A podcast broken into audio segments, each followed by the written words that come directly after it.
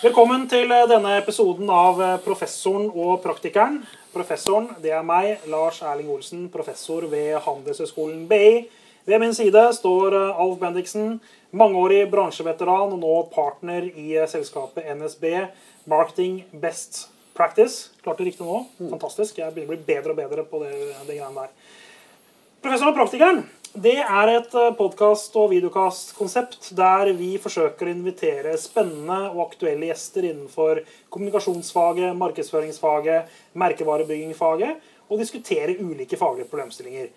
Det som er Alf og min sin misjon med dette, er at vi skal lære noe nytt i hver eneste episode. Og så er vi så uærbødige at vi tenker at hvis vi lærer noe, så tror vi at du som gjest eller som lytter eller som seer også får med deg noe og lærer noe nytt.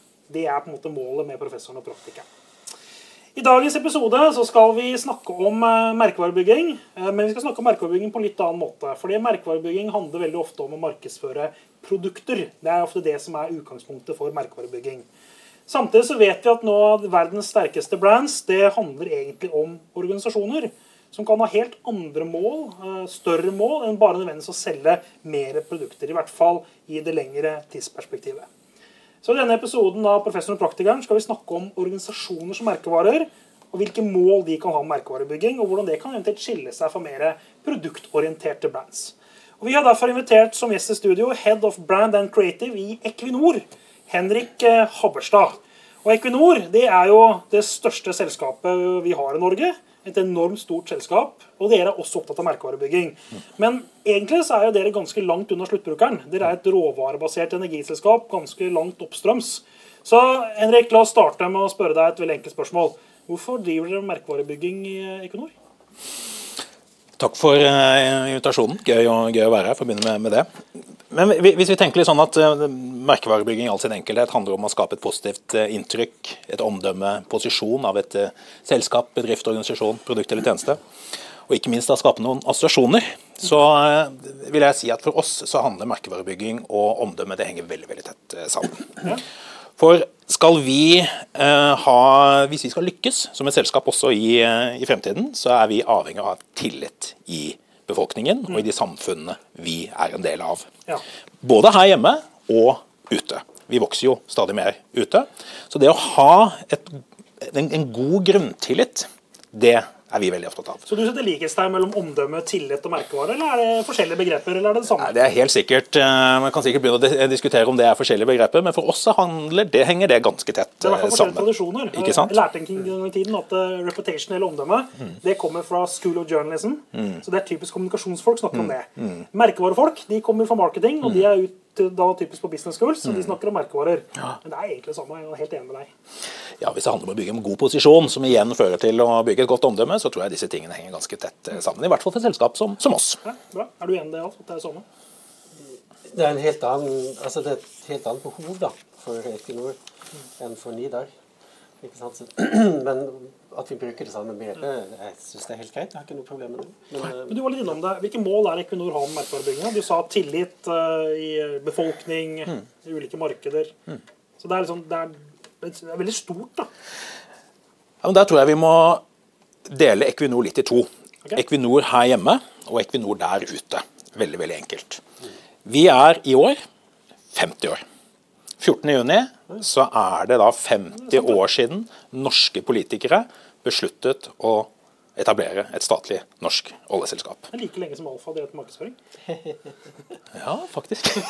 Nesten, nesten, Så, og vi er jo et uh, selskap som er eid av den norske stat, og dermed alle norske folk. Så det at det norske folk har en forståelse av hva vi holder på med, og har en grunnleggende tillit på at, det, at ja, den reisen vi er på, den uh, gjør vi på en god måte, det er litt det her, her hjemme. Så at vi er et, et, selskap og en merkevare som folk kan stole på, som ikke har de beste årene bak seg, men også kanskje foran seg. Mm. Så her hjemme så handler det om solid, et godt omdømme i, i, i befolkningen som sådan.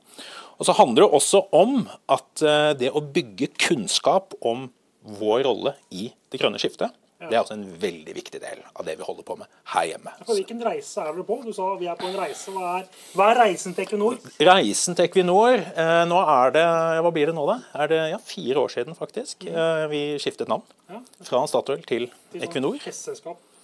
Det var noen som, eh, som mente det også.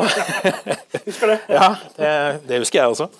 Men en, en av grunnene til at vi, at vi endret navn, det var jo at ikke at vi nå skal endre oss, eller at vi da skulle begynne å endre oss veldig mye. Det var en respons på at vi allerede var i ganske stor endring. Og vi var på en reise fra et fokusert olje- og gasselskap, som vi sa, til et bredt energiselskap.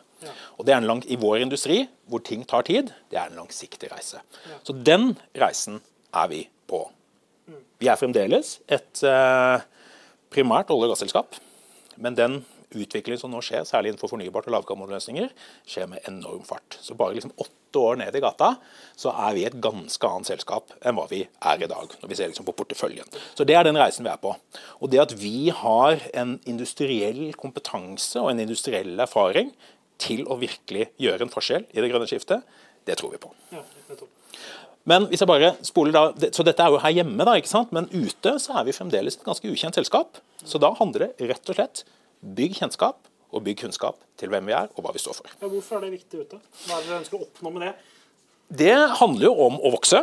Ja. Og hvis vi skal komme inn da utenfor, eh, eh, rett utenfor Manhattan, hvor vi nå sammen med BP bygger to store vindparker, skal vi få tilgang til disse arealene, så er det jo en fordel at folk vet hvem vi er. Ja, ikke sant? Så det er egentlig så banalt, egentlig. Så banalt, Ja. Hei, hei, her er vi. Vi er. Equinor. Ja, Og den kampen blir jo bare større og større. For den kampen om arealer der ute, og prosjekter, den er ganske stor. Så du har ikke noen klare salgsmål i merkeordningen din? altså? Nei, Nei. jeg har ikke det. Jeg har ikke det. Det er, det er omdømmemål, og det er litt sånn fluffy. posisjoneringsmål. Det er litt fluffy, er det ikke det? Liksom, Bygge tillit og trust og Er det, er liksom, det er litt upresist, eller? eller er litt Jeg, jeg, jeg, jeg mener det er veldig veldig presist. Ja, det det. Men, men det er klart at eh, det er, det er jo Jeg kan ikke se på salgstallene hver eneste morgen etter en kampanje og se, se her vi lykkes. For dette er liksom, du må ha litt mer is i magen og litt mer tålmodighet. Men fluffy, det mener jeg ikke. Ikke det. run, liksom, så, ja. Ja, det, dette er, vi er en langsiktig industri, og eh, langsiktigheten i merkevarebygging, den er mm. Men at det er noen som ser på det som fluffy, gjerne. Ja. Jeg mener dette her er Jeg, jeg skal ikke kjempeviktig. påstå at det er fluffy, men jeg bare, jeg, jeg, det er veldig sjelden man møter uh, markedssjefer Eller du er ikke markedssjef, da, men du er eh, head of brand and creative, som det sto. Ja. uh, og den jobben, og på en måte ikke har kanskje litt mer kortsiktige kopier. Mm. da. Dette er så på sånn lang sikt og disse tingene.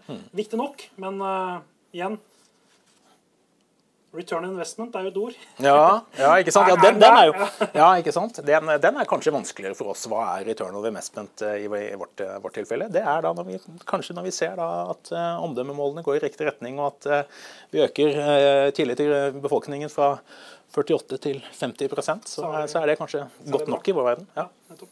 Ja, Interessant. Spennende.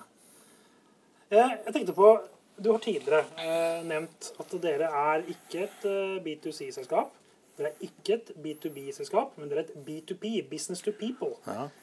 Hva all verdens dager er det for noe? Nei, det var jo, eh, Jeg snakket litt med Alfheim om det i sted, at eh, nå var det det begrepet dukket opp. Det var, eh, jeg var jo med på masterklassen til NSB. Eh, Veldig bra, for øvrig. Eh, og da tror jeg det er du som sa at ja, dere i Equinor er jo typisk eh, business to business-selskap. Men jeg det, det er ikke helt presist. Ja, vi er jo det også. Men uh, jeg vil først og fremst kalle det for business to people-selskap. jeg tror ikke vi har brukt det masse, veldig mye, men det var en respons til, til, til Alf da. Jeg skjønte ikke hva du sa. Ja, du, ja, du skjønte ikke? Nei, nei. Det er derfor jeg blir invitert hit nå. Ja, men, Jeg er kjempespent. det Ja, ikke sant? Hva er- ja, hva for? nei, altså, så om vi er et business to be people eller business to society-selskap, jeg tror det er to sider av samme, samme sak. Okay, Ja. Så sant, på Målgruppen er liksom det norske folk eh, og noen eh, nøkkelbeslutningstagere der ute.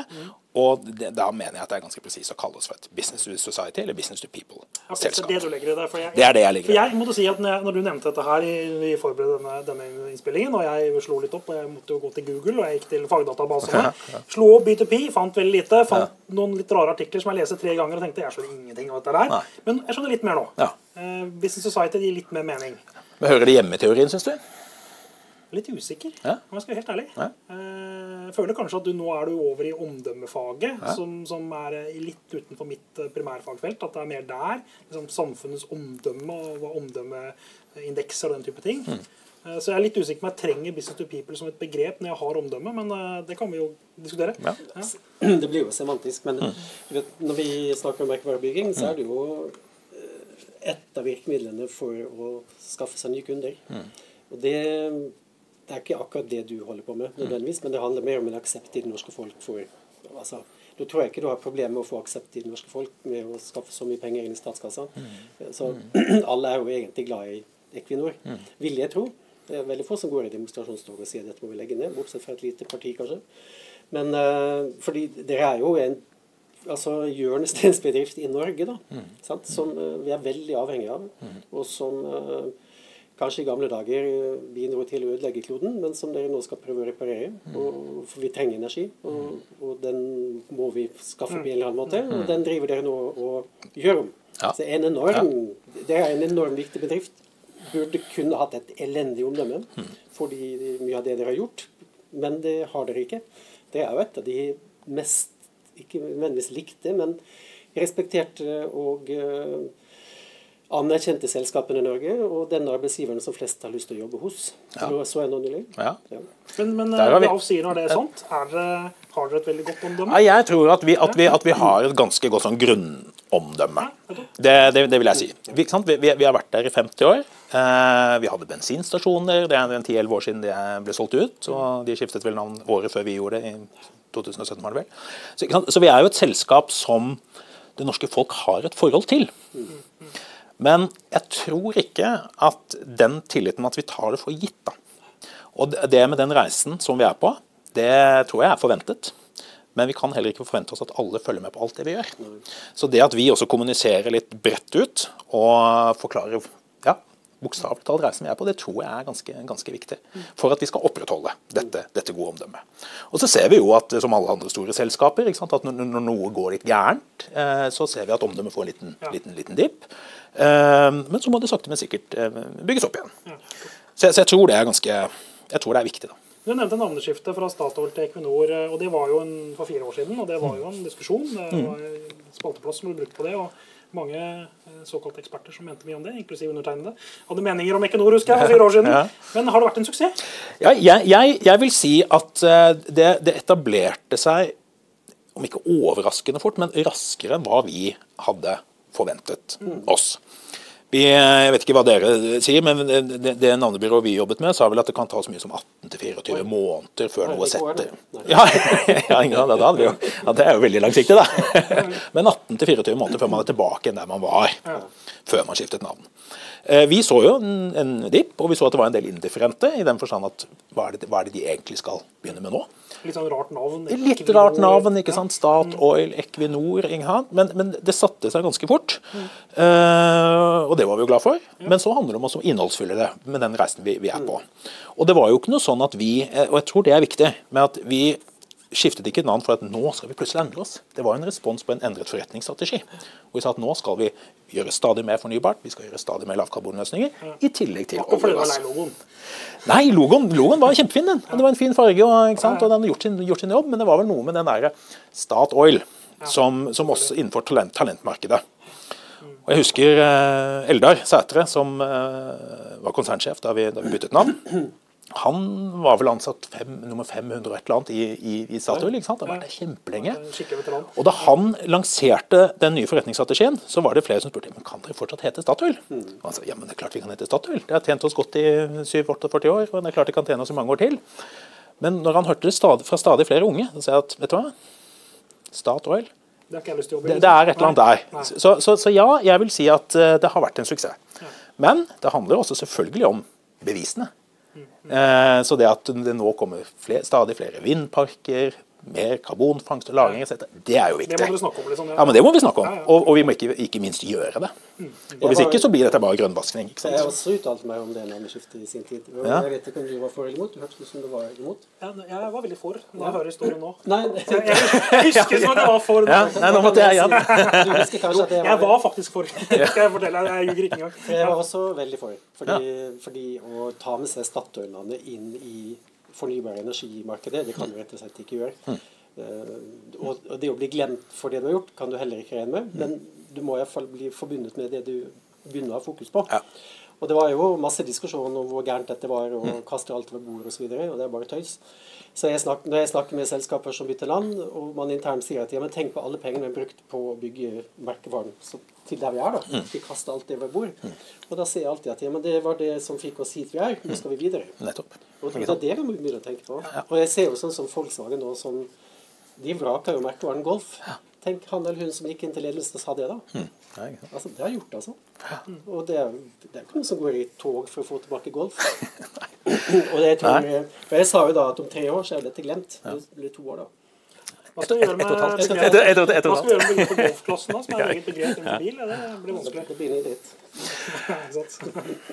Men, eh, men dette er jo eh, jeg, jeg husker veldig godt for fire år siden når dere byttet navn, så var akkurat det du fortalte nå, dette her med at vi er der og vi skal bli noe helt annet i fremtiden og derfor trenger nytt navn, det syns jeg var en veldig logisk uh, forklaring. Og jeg tror, det er, jeg tror det er kanskje det som er grunnen til at det har fungert. da. At det, det var forretningsstrategidrevet. Det var liksom ikke drevet bare av en ønske om en fornyelse av en eller annen sånn designer som fant på dette. Det var, det var veldig mm, ja, tungt ned i kjernevirksomheten da, Ja.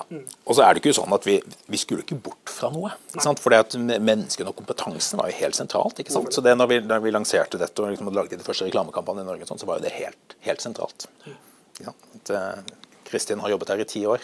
Nå har hun skiftet jobb fra Statoil til Equinor. Det, det, var at det er noe med kompetansen også, som er, som er viktig. Men jeg tror det bare for å ha sagt det også, at eh, det med at det blir fulgt opp med noen aksjoner, og ikke bare flott reklame. Eh, men da, det var mye spenning knyttet til bl.a. en av de store vindparkene i, utenfor New York. Som ble Det var en auksjon, og så ble det vel avklart noen måneder etter navnebyttet. Og vi vant den. Da var det nok en liten lettelse også. Jeg husker Ja, eh, Ella Sætre sto på Det var med Erna Solberg sto på Hudson-elven. Det var jo ingenting å se på enda, naturlig nok, for det tar jo tid å bygge dette her. Så sa han at nå ser dere også Her er. Her skal det ja, her, her kommer det vindpark, og nå skjønner dere også at det var smart å bytte navn. Ikke sant? Så det er, ja. Så det må, det må og det, det, kravet er jo bare blitt enda større. Kravet til endring. Kravet til mer fornybart. Det, og det kommer til, å, kommer til å være der, og det, det skal være der. Men samtidig så ser man jo ja, energisituasjonen i Europa nå. Den energikrisen vi, vi står i, viser jo også hvor viktig særlig gassen er. Også i Europa de kommende, kommende årene. Så, så, så det, er, det er jeg veldig opptatt av. At vi må ta med oss den legacyen også, naturlig nok. Dere har jo laget en eh, kommunikasjonskampanje om mange år som heter Morgendagens helter. Ja. Hva, hva, har, hva er poenget med den? Hva det, hvordan henger dette sammen? Det er vel en eh, ja, er det en 16-17 år siden, Ja. tror jeg det er blitt. Den, eh, og det var et forsøk, eller ikke forsøk, det, det man skulle gjøre da, det var å samle alle sponsoratene til Statoil i sin tid under en felles paraply. Og det var helt tilbake på slutten av 80-tallet, hvor, hvor Statoil hadde investert masse i sponsorater, først og fremst rettet mot unge mennesker. Så da kalte man den Morgendagens helter. Så det, det var sånn det navnet kom. Det var heller ikke noe helt nytt. ikke sant? Det var å, å bygge en paraply for noe som allerede eh, hadde, vært der. Så, så det er jo vår, vårt sponsor- og talentprogram. Ja. Eh, som ikke bare er reklamefilmer. Det er bare en bitte, bitte liten del av det. Så det er jo store, tunge samarbeid med talentutvikling innenfor fotball, kultur, langrenn. Men kanskje ikke minst tett og godt samarbeid med norske vitensentre. Ja. Hvor det handler om å heie fram morgendagens teknologer. Så, så det, og det er jo bare blitt en viktigere viktigere del av Har det den fungert, da? Det liksom noe... Ja, jeg vil jo si Har du fått noen Morgendagens helter da, som starta for 16-17 år siden? Er det noen som har blitt det? Det er ganske mange. Martin Ødegaard var, eh, var- var, en av dem. Astrid. Urenholt Jacobsen. Eh, Og ganske mange, som er noen av de eh, innenfor, innenfor, innenfor sport. eh, Særlig, da. Men dette er jo kanskje mennesker som blir helter i utgangspunktet. eh? Med, I kraft av å være gode i skispor eller på fotballbanen. Men det vi ser er at det er stadig flere som innenfor realfag og, og, og vitenskap som løftes fram. Så der håper jeg at vi får se enda flere. Enda flere. Eh, ja. Og kjører dere frem de som har blitt helter, da? ja, vi har jo brukt sett det med Martin Ødegaard. ja, vi, vi, vi, har, vi har brukt noe liksom, ja, native-artikler og gjort en del sånne ting, sånne ting rundt det. Så det er mange av de, Og mange av de er jo mentorer som er med oss for å løfte fram nye talenter igjen. Så, men vi er nok først og fremst kjent for uh, fotball og, og langrenn. Uh, mye av det vi gjør innenfor realfag kommer kanskje litt mer under radaren, men det er noe vi kommer til å gjøre bare enda mer av. Hvor, hvor mye penger bruker du på dette? Cirka? Er det hemmelig? Ja. Okay. ja. Men hadde du hatt noen problemer med å få ti ganger så mye? Fordi, altså Med en oljepris på 120, så har det vel ikke penger? Nei, Jeg tror det er ganske viktig. da, at Det er sikkert kjempefristende å bare si det. Altså, ja, ikke sant? Nå er det jo 120 i dag. Eh, og, ja, ja, men ikke sant? Nei, og det, det tror jeg er ganske viktig. At vi, eh, Budsjettene våre de, eh, de øker ikke i takt med, med oljepris. altså. Du har ikke en prosentandel omsetning? Det var kjekt. Altså, nå, Nei, nå, nå er vi jo 50 år i år, så da, nå starter vi faktisk på fredag. Jeg vet ikke når dette går på lufta. Ja, Men, ja, ikke sant? Men uh, hvis ikke ja, fredag 3. juni Jeg er ganske sikker på at det, det kommer etter det. Så Ja, ikke sant? da- ja. Fredag 3. juni startet vi da en, eh, en kampanje. Og den, den er, den, Det kan godt hende at vi er litt mer, like vi er nok litt mer synlige i, i, i- i år enn vært eh, andre år. Ja, skal feires litt. Skal feires litt. Men jeg tror det viktigste ved det det er at vi skal, vi skal se litt tilbake, men vi skal se på hva er det de første 50 betyr mot det vi sier er et enda viktigere 50-tall, 2050, og dette netto null. Ja, Utslippssamfunnet. Sånn? For er der, ja, så det er liksom industriens rolle i det. Så nei, nå snakket jeg meg litt vekk. Nei, nei. Nei. Men dere har jo en TV-serie omtrent som er basert på opprinnelsen til Statoil. Altså, Ja. Som er, De som ikke har sett den, må se den. Lykkeland. Helt Ja, fabelaktig. ja, kjempe, kjempebra. For det er jo et eventyr. Altså. Ja, det er, det er, det er jo det. det Ja, virkelig. Ikke sant? 1969. Da fant man det første drivverdige funnet i Nordsjøen. Ekofisk. Philips Petroleum. Ikke sant? Og det var ikke noe lett oppgave å finne. Fanns- Nei, det, nei. Det, det er mange av de store feltene, sånn som Trollfeltet da, i Nordsjøen, eh, ble funnet på slutten av 70-tallet og sto ja, 17. mai 1995. Da ble den tauet ut. 665 000 tonn betong. Det feltet det var vanskelig å finne, men man fant det. Og så måtte man virkelig bygge en plattform som sto der. I dag så står den eh, plattformen alene for 8 pluss av gassen til Europa. Ja. Så, så ja, det er, et, det er et eventyr. Det har vært et industrieventyr, det har vært et velstandseventyr. Ja, ja. Men, Det, ikke det er men hva, historien om Norge dette her egentlig snakker om. men hva betyr det- dette fremover? Det, det, det tror jeg er Og, det, og det, vil jo være en helt sentral del av merkevaren også fremover. Det er eh, lage en fremtidsfortelling Ja, nettopp.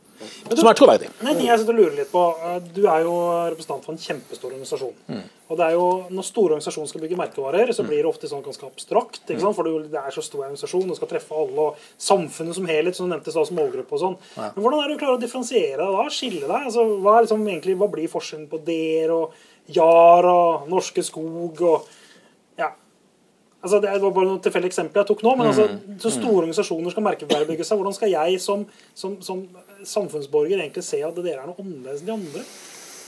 Ja, Nå kan ikke jeg snakke kanskje så mye på vegne av de andre selskapene som du snakket med. Jeg kan snakke om på vegne av vår Ja, industri. Ja, ikke sant? det dere tenker da, Ja. for å være annerledes? Altså, eller Tenker dere på differensiering i hele tatt? Er det viktig, eller er det liksom Nei, jeg, jeg, jeg, jeg tror ikke vi tenker så, så mye på differensiering i forhold til de andre selskapene som du her ga eksempler på. Det er bygd opp nå, det, det er ikke relevant. da. Nei, men det, det, jeg, jeg tror må, måten vi skal nå ut og være interessante på, det er For energi, det er viktig. Det er liksom i kjernen av alt vi holder på med. Men det er også ganske kompliserte og komplekse temaer. Så hvordan skal vi gjøre dette relevant og tilgjengelig for folk?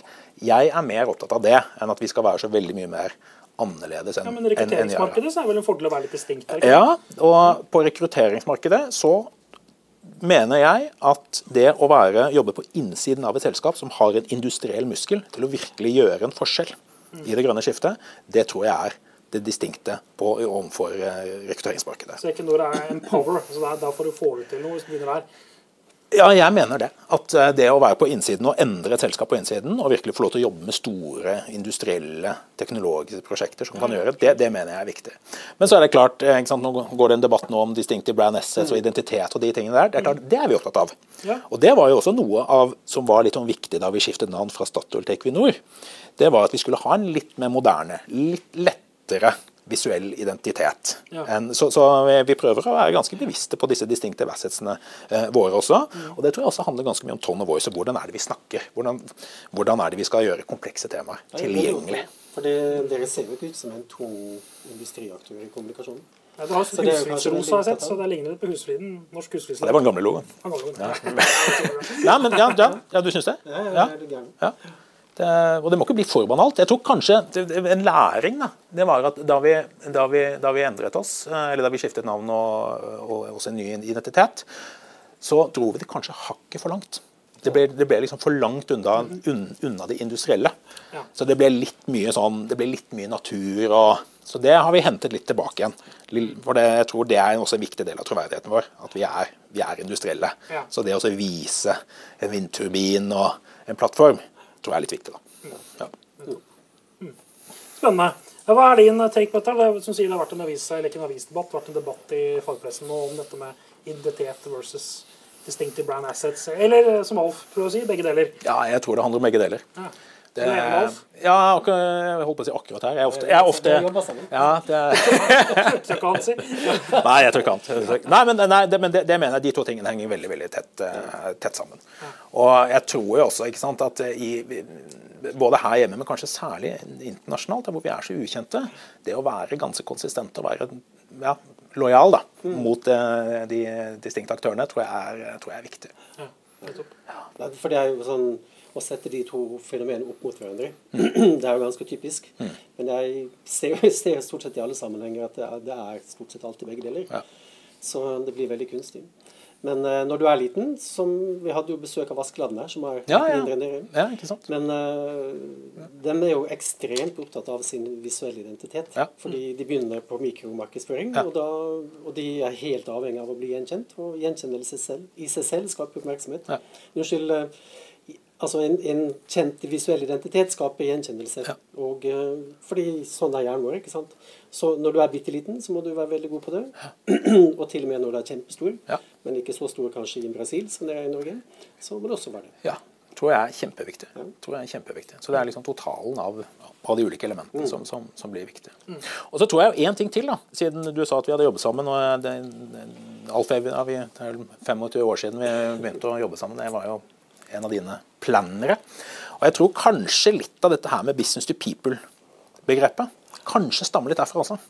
Nettopp med at people, det er, det er uansett hvilken segment du er i, eller hvilken kategori, så er det mennesker.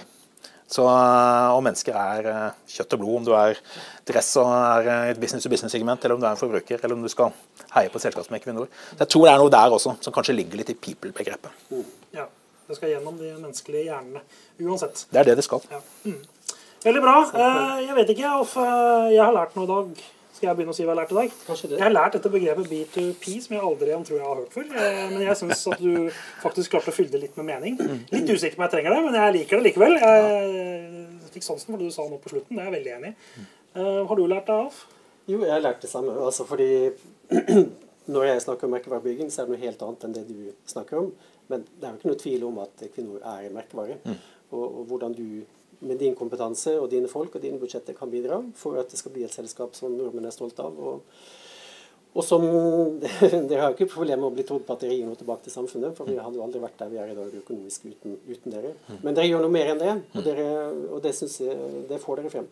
Men jeg hadde en liten anekdote, da, for jeg var i Romania på jobb for mange år siden og kjørte forbi en bensinstasjon, lokal sådan. Og i Romania så blir jo Romania og petrol hvis du setter det sammen, så kan det bli et ganske festlig navn. I dette tilfellet Rompetrol. så hvis de skulle etablert seg i Norge, så tror jeg det hadde fått eh, en bra oppmerksomhet. Ja, ikke sant. Det hadde blitt et uh, selskap folk likte å heide på, ja. Tusen takk for at uh, du var i studio. Head of Brand Creative i Equinor, Henrik uh, Haberstad. Og ikke minst lykke til med å, det grønne skiftet, som jeg håper og tror at Equinor kommer til å være en avgjørende del av. Og til deg som uh, lyttet eller så på denne sendingen. Husk at dere må følge oss. Gå inn på Spotify eller på din foretrukne podkastplattform og huk av for at du enten følger eller at du vil eh, abonnere på oss. Det er ganske viktig. Og lykke til, og følg med i neste episode av Professoren og praktikeren.